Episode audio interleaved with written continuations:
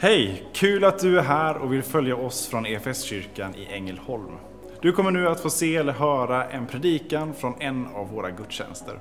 Har du några frågor eller vill veta mer om oss som kyrka så kan du alltid gå in på www.efskyrkan.info. Vill du ha tillgång till mer undervisning eller ta del av våra inspelade konferenser eller gudstjänster gå gärna in på vår play-kanal efskyrkan.tv. Nu ska vi lyssna på denna veckas predikan.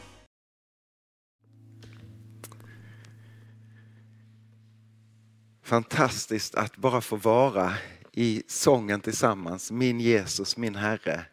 Ropa ut till, till Herren. Eh, och att vi får göra det tillsammans här. Men som sagt tillsammans med hela Guds folk.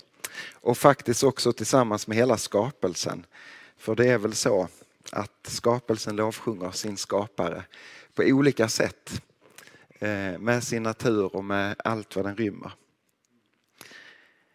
Eh, Jona, tack. Du är ju en ypperligt god mötesledare. Du sätter igång så mycket bara i ditt sätt att vara och dela.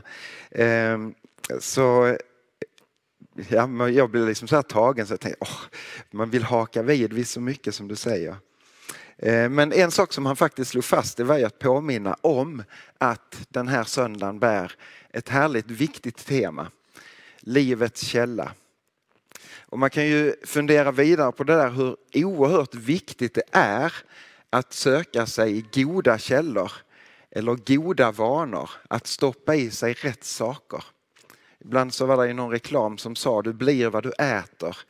Eh, och det är väl mycket det, eh, sanning i det, att vi blir väldigt mycket präglade av det som vi stoppar i oss. Och eh, därför är det så viktigt att söka sig goda källor och goda vanor. Och om det då finns någonting som stavas livets källa, hur oerhört viktigt är det då inte att söka det? Eller rättare sagt den som är livets källa. Och det är ju därför vi samlas till gudstjänst och det är därför vi egentligen vaknar upp varje morgon eh, att försöka Gud. Att tillsammans och enskilt försöka honom som har gett oss livet, som upprätthåller livet och som har skapat allt och som ger oss varje dag och var dag är Herrens nåd ny. Gud han har, han som är ogripbar, han som är, skulle jag säga omöjlig att egentligen förklara fullt ut eller förstå fullt ut har ändå gjort sig gripbar och synlig. Gud har uppenbarat sig, inte bara i sin skapelse, han har också uppenbarat sig på det tydligaste sättet i Jesus Kristus, hans älskade son. Så Gud har tydligt fått ett ansikte. Och hur viktigt är det då inte att söka honom, livets källa. Han har ju också inspirerat människor genom sin ande som har nedtecknat det vi får omtala som Guds ord. Detta är också en god källa att ösa ur. Guds eget ord, det heliga, den heliga skriften. Att söka sig goda vanor, att, att återkomma till, till ordet, till gudstjänsten, till bönen och, och allt annat som kan dra oss nära Gud. Jag tänker i bibelordet så, så får vi inte bara lära känna Gud och, och liksom Guds vilja och Guds karaktär utan vi får också väldigt mycket lära känna oss själva. Och lära känna oss själva i förhållande till honom. Alltså få ställa våra liv, våra sammanhang i perspektivet att Gud vill ha med oss att göra. I bibelordet så får vi läsa om och förstå hur Gud har från skapelsens morgon och genom hela historien ingripit i sin skapelse. På olika sätt genom olika tider, på det tydligaste sättet när Jesus kommer, när Gud själv väljer att bli människa. I mellandagarna eller i julhelgen någonstans så satt vi hemma eh, och det var egentligen barnen ska jag, men det är ju fortfarande mina barn, men de är ju stora och vuxna nu. Men satt och funderade och samtalade om ja, men vilket är det bästa evangeliet tycker vi. Och, och så började du minna ut det, vilken är din favoritbok i, i Bibeln? Ett gott och spännande samtal. Och det är väl så att vi kanske har favoritställen, vi har favoritböcker eller passager, verser eller kanske ibland ord som bara vi kan gå och suga på som vi tycker väldigt mycket om. Eh, och så fick jag frågan, vilken är din favoritbok? Och, oh, måste man välja? Eh, där är så mycket gott i Guds ord. Men ett, en skrift i bibelordet som jag gärna lyfter fram för mig själv och, och, och gärna står för, det är Johannes evangeliet. Jag tycker så mycket om Johannes evangeliet. Varför då, fick jag då frågan. Ja, men Johannes han skriver med en sån närhet, kan jag tycka. Och det, hans, både hans evangelium och hans brev präglas så starkt av den kärlek som han hyser för Jesus. Och ännu mer så präglas hans skrifter av den kärlek som han var älskad av från Jesus själv. Han skriver ju ofta så, den lärjungen som Jesus älskade. Det var inte så att han sa att de, han älskade inte de andra, men han var så tagen av att jag var älskad. Han har ju också kommit att kallas kärlekens apostel, han som kunde reagera så, så starkt och så, så intensivt och liksom vilja be ner eld över människor som vände sig mot Jesus eller be fram björninnor. Ja, det var, han var, det var mycket åska över honom och mycket kraftuttag. Men han är också präglad till att bli kärlekens apostel. Och vi ska få läsa i, från Johannes evangeliet. Och man kan ju fundera på det här, sker det, om vi nu säger att vi kan läsa om Guds under och ingripande i bibelordet, så kan man, ja men sker det några under i Johannes evangeliet? Nej. Kan man säga. Eh, för att ge, eh, Johannes han använder inte begreppet under utan han använder begreppet tecken istället. Men det sker ju naturligtvis massor av under. Men Johannes väljer att omnämna dem som tecken. Och han sätter fokus på speciellt sju stycken eh, för att tala om vart Jesus är på väg och vem Jesus är. Men det är ju inte bara sju tecken som, som sker. Johannes han avslutar och helgraderar sig på något sätt i sitt evangelium så här. Jesus gjorde också mycket annat. Om var sak skulle skrivas och skildras för sig tror jag inte att hela världen skulle rymma de böcker som då måste skrivas. Johannes han fick se mängder av tecken och under. Och han fick se dem på nära håll. Och han var tagen av dem. Men han väljer att sätta fokus på sju stycken. Och vi ska läsa om det första tecknet. Och det sker, precis som söndagsskolan kommer att stanna upp för, fick vi ana, i samband med en speciell fest. Ett bröllop i Kana. Och vi kan läsa om detta i Johannes evangeliet kapitel 2. Vi läser i Jesu namn. På tredje dagen hölls ett bröllop i Kana i Galileen och Jesu mor var där. Jesus och hans lärjungar var också bjudna på bröllopet. Vinet tog slut och Jesu mor sa till honom, de har inget vin. Jesus svarade, låt mig vara kvinna, min stund har inte kommit än. Hans mor sa till tjänarna, gör det han säger åt er. Där stod sex stenkärl för vattenrening, för vattnet till judarnas reningsceremonier. Vart och ett rymde omkring hundra liter.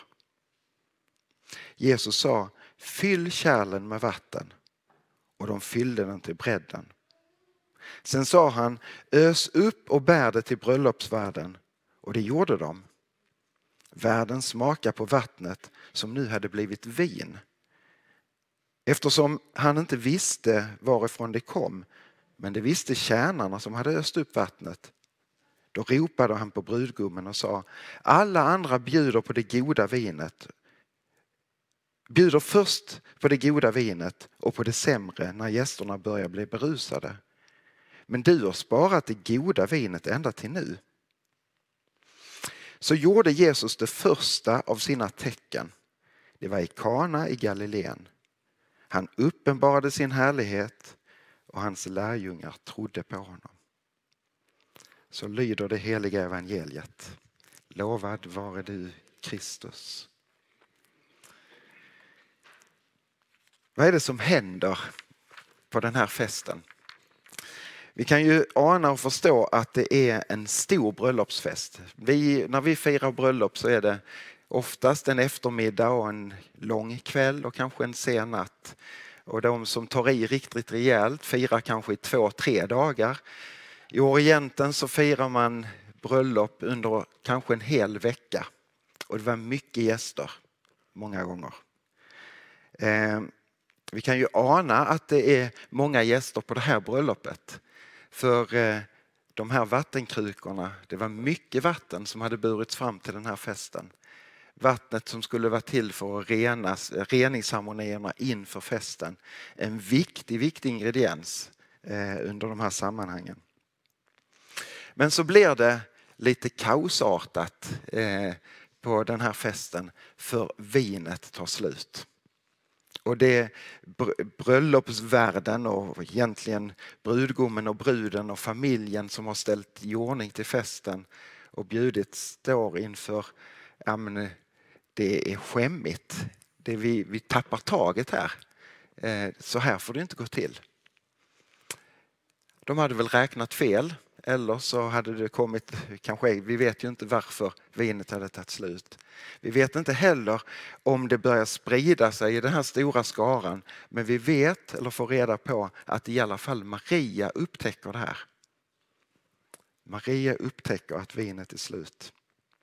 Hon är bjuden på den här festen och det är också Jesus och några av lärjungarna som hade börjat följa honom bara några dagar innan de här festligheterna. Och så när detta händer så tänker jag på Maria, hur hon reagerar och hur hon agerar. Hon säger till Jesus, och jag tänker hon vet ju vem Jesus är. Vi minns hur ängeln kom till henne och berättade för henne du ska, du ska föda världens frälsare. Gud själv ska komma i din kropp. Hon vet att det har skett genom ett under. Att Gud själv har varit där. Och, och det som ängeln hälsar till Maria den där natten när de får mötas eller på dagen, det vet jag inte, men, men i alla fall vid det här mötet så säger ängeln när Maria säger, men hur ska det här gå till? Då säger ängeln, ingenting är omöjligt för Gud. Och hon får uppleva att ingenting är omöjligt. Helt plötsligt så är det ett liv som växer henne. Och det här barnet föds, växer upp tillsammans med Maria och Josef. Och den här lilla pojken blir plötsligt tonåring, ungdom och vuxen. Och det händer inte så mycket. Vad vi vet. Och, och man kan ju fundera på, har Maria under de här kanske runda tal 30 åren någon gång stött på Jesus. Kom igen, är det dags nu? Maria och Josef var säkert drabbade av nöden som skedde, liksom, som de såg runt omkring sig. När ska Gud gripa in, ropa folket runt omkring. Och så sitter Maria och Josef och vet, vi har svaret här. I min famn, vid min sida och en vuxen man som växer upp. När ska du börja? När ska du leverera? Men hon är säkert, tror jag, tålmodig. Kanske Maria har hört från lärjungarna som följer med upp på festen. För ett par av de lärjungarna var ju också lärjungar till Johannes döparen. Och de var där när Jesus döptes då några dagar tidigare. Och de fick höra Johannes som, som pekar på Jesus och sa, där är Guds lamm som borttager världens synd. Honom ska ni följa. Och de, de knatar efter Jesus och börjar slå följe med honom. Och kanske de har, har nämnt detta för Maria. Vet du vad som hände? Du vet, han och det, en duva och så vidare. Kanske det väckte någonting i, i Maria. Så att hon på den här festen går fram till Jesus och säger, du vinet är slut. Tänk vilken enkel bön. Det är inte, åh käre gode Gud, tack för att du är här. Eh, nu så, och vi har den här nöden och, och, du skulle kunna göra så här Gud. Förstår du? Att du skulle kunna ta det här vattnet och, och förändra. Nej, hon bara säger Jesus vinet är slut. Tänk om också det kunde prägla våra böneliv kanske ibland. Att inte komma med lösningen till Gud utan bara säga Jesus orken är slut. Jesus, mitt barn är sjukt.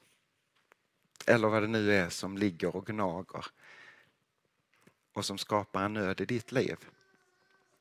Det kan räcka med den enkla bönen.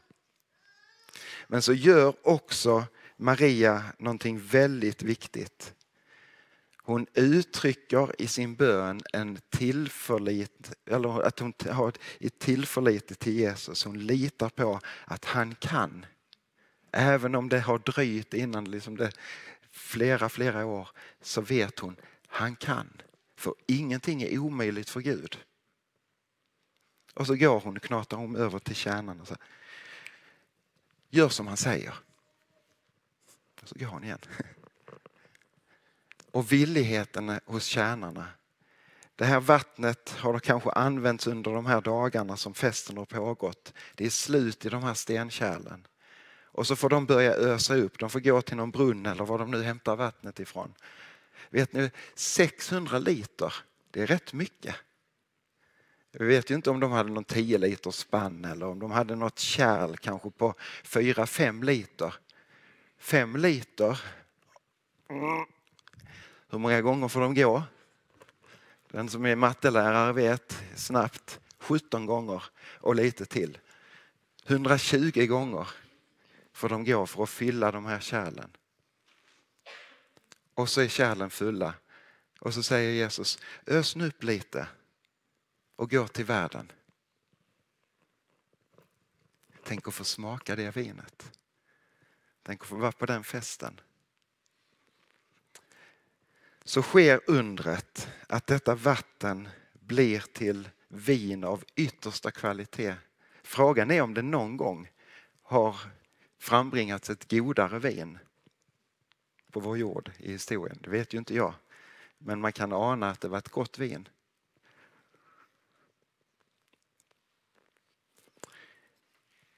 Och så räddas världens anseende. Brudparets och familjens anseende räddas i den här situationen. Och man kan tycka, ja men var det ett, ett under? Och liksom, detta var startskottet, okej. Okay. Jesus han svarar ju ganska bryskt kan man tycka till Maria. Min tid har inte kommit, lämna mig, lämna mig i fred. Är det för att hon har kanske stött på tidigare? Det vet vi inte. Men i alla fall, så trots att Jesus möter på det sättet så går hon till kärnan och säger, gör som han säger. Det blir kanske inte som vi har tänkt men ha en tillförlitning på att, att Jesus vet bäst. Lämna det till honom. Och så sker ändå det här undret. Och man kan, någon kan ju tycka oh, oh, 600 liter vin plötsligt där på den här festen, det är ganska mycket. Eh, det är ett stort under, men det är ett lika stort under om det bara hade varit ett litet glas. Alltså förvandla vatten till vin, det är ett under i sig. Men, men grejen är att Jesus, dels så säger han detta att min stund har inte kommit än. Redan där så slår han fast, och det återkommer i Johannes evangeliet när, när tecknen sker. Eh, min stund har inte kommit än. förrän han på korset hänger där och säger det är fullbordat. Redan här så pekar det ut att Jesus vet att det är korsets väg han ska gå. Det är det som är det stora undret och där Gud ska låta sin härlighet bli fullt känd.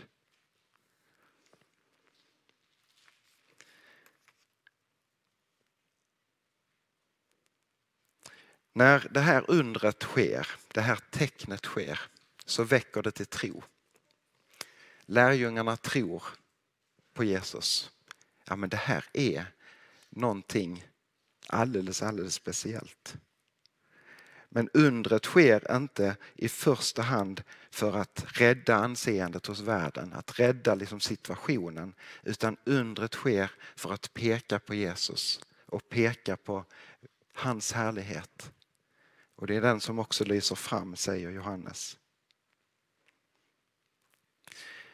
När vi läser Johannes evangeliet så, så tar ju inte Johannes upp den där torsdagskvällen i stilla veckan när Jesus instiftar nattvarden. Det gör ju de andra evangelisterna. Men det kanske är så att Johannes han låter den här första undret, det första tecknet också ha sin anknytning till den heliga måltiden. När han lyfter fram undret som sker när vattnet som var till för att rena blir förvandlat till vin så fortsätter undret att ske också i den här gudstjänsten. Där vinet får förvandlas till hans blod som renar. Och så hänger festen i Kana tydligt ihop också med vår gudstjänst här idag. Samma Jesus, samma Jesus som var där är närvarande här genom sin ande. Samma Gud som låter ängeln hälsa, ingenting är omöjligt för, för Gud, är verksam också i den här gudstjänsten. När vi bär fram enkelt bröd och enkelt vin så vill Gud låta undret ske så att när vi tar emot det så tar vi emot honom själv, hans kropp och hans blod, Jesus Kristus själv. Till rening och till att låta hans härlighet få bli känd om och om igen. För förlåtelsen och rättandet inför Gud har sin tydliga koppling till Jesu död och uppståndelse, till hans kropp och till hans blod. Så därför inför att vi ska få fira den heliga måltiden igen så ska vi be och vi ska få bekänna inför levande Gud. Vi ber tillsammans. Som kyrka är det en glädje att få spela en liten roll av allt Gud gör i och genom ditt liv. Vi vill gärna fortsätta följa dig på den resan. Och vill du ta reda på vad ditt nästa steg kan vara på din resa med Gud så gå in på efskyrkan.info nästa steg. Vår längtan är att få se människor och samhällen förvandlade av Jesus. Genom en kyrka som återspeglar Guds hjärta, bär varandra och betjänar människor varhelst vi befinner oss varje dag.